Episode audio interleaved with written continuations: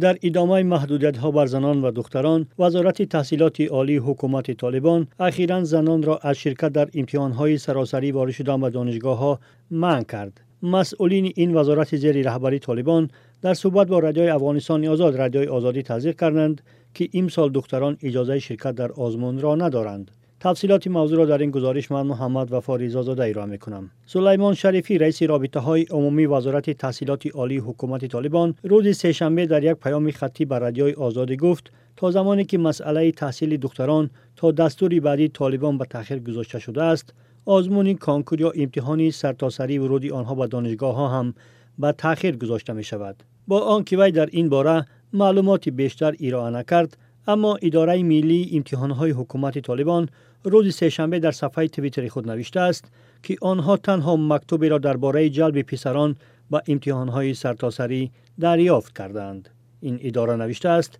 امسال از سوی وزارت تحصیلات عالی تنها مکتوب درباره اشتراک پسران برایشان آمده است. بنابراین این کاری وزارت تحصیلات عالی است که از کی امتحان بگیرد و از کی نگیرد. اداره امتحان ها در این راستا هیچ مسئولیت به عهده ندارد اداره ملی امتحان های حکومت طالبان گفته است که مسئولیت گروه امتحان های کلان و خور را در سطح افغانستان به عهده دارد و امتحان ها را مطابق به جزئیاتی که به شکل مکتوب از سوی اداره های وابسته فرستاده می شود می گیرد. اما شماری از دختران که امسال برای شرکت در امتحانی سرتاسری لحظه شماری می کردند می‌گویند این تصمیم وزارت تحصیلات عالی حکومت طالبان آنها را ناامید کرده است مریم یک ساکن شهر کابل می‌گوید مکتب را با بسیار دشواری به پایان رساند و انتظار امتحان بود اما تصمیم اخیری حکومت طالبان او را نهایت ناراحت کرده است. حسنا صافی ساکن ولایت پروان می‌گوید این تصمیم طالبان می‌تواند بر روان دختران تاثیر منفی بگذارد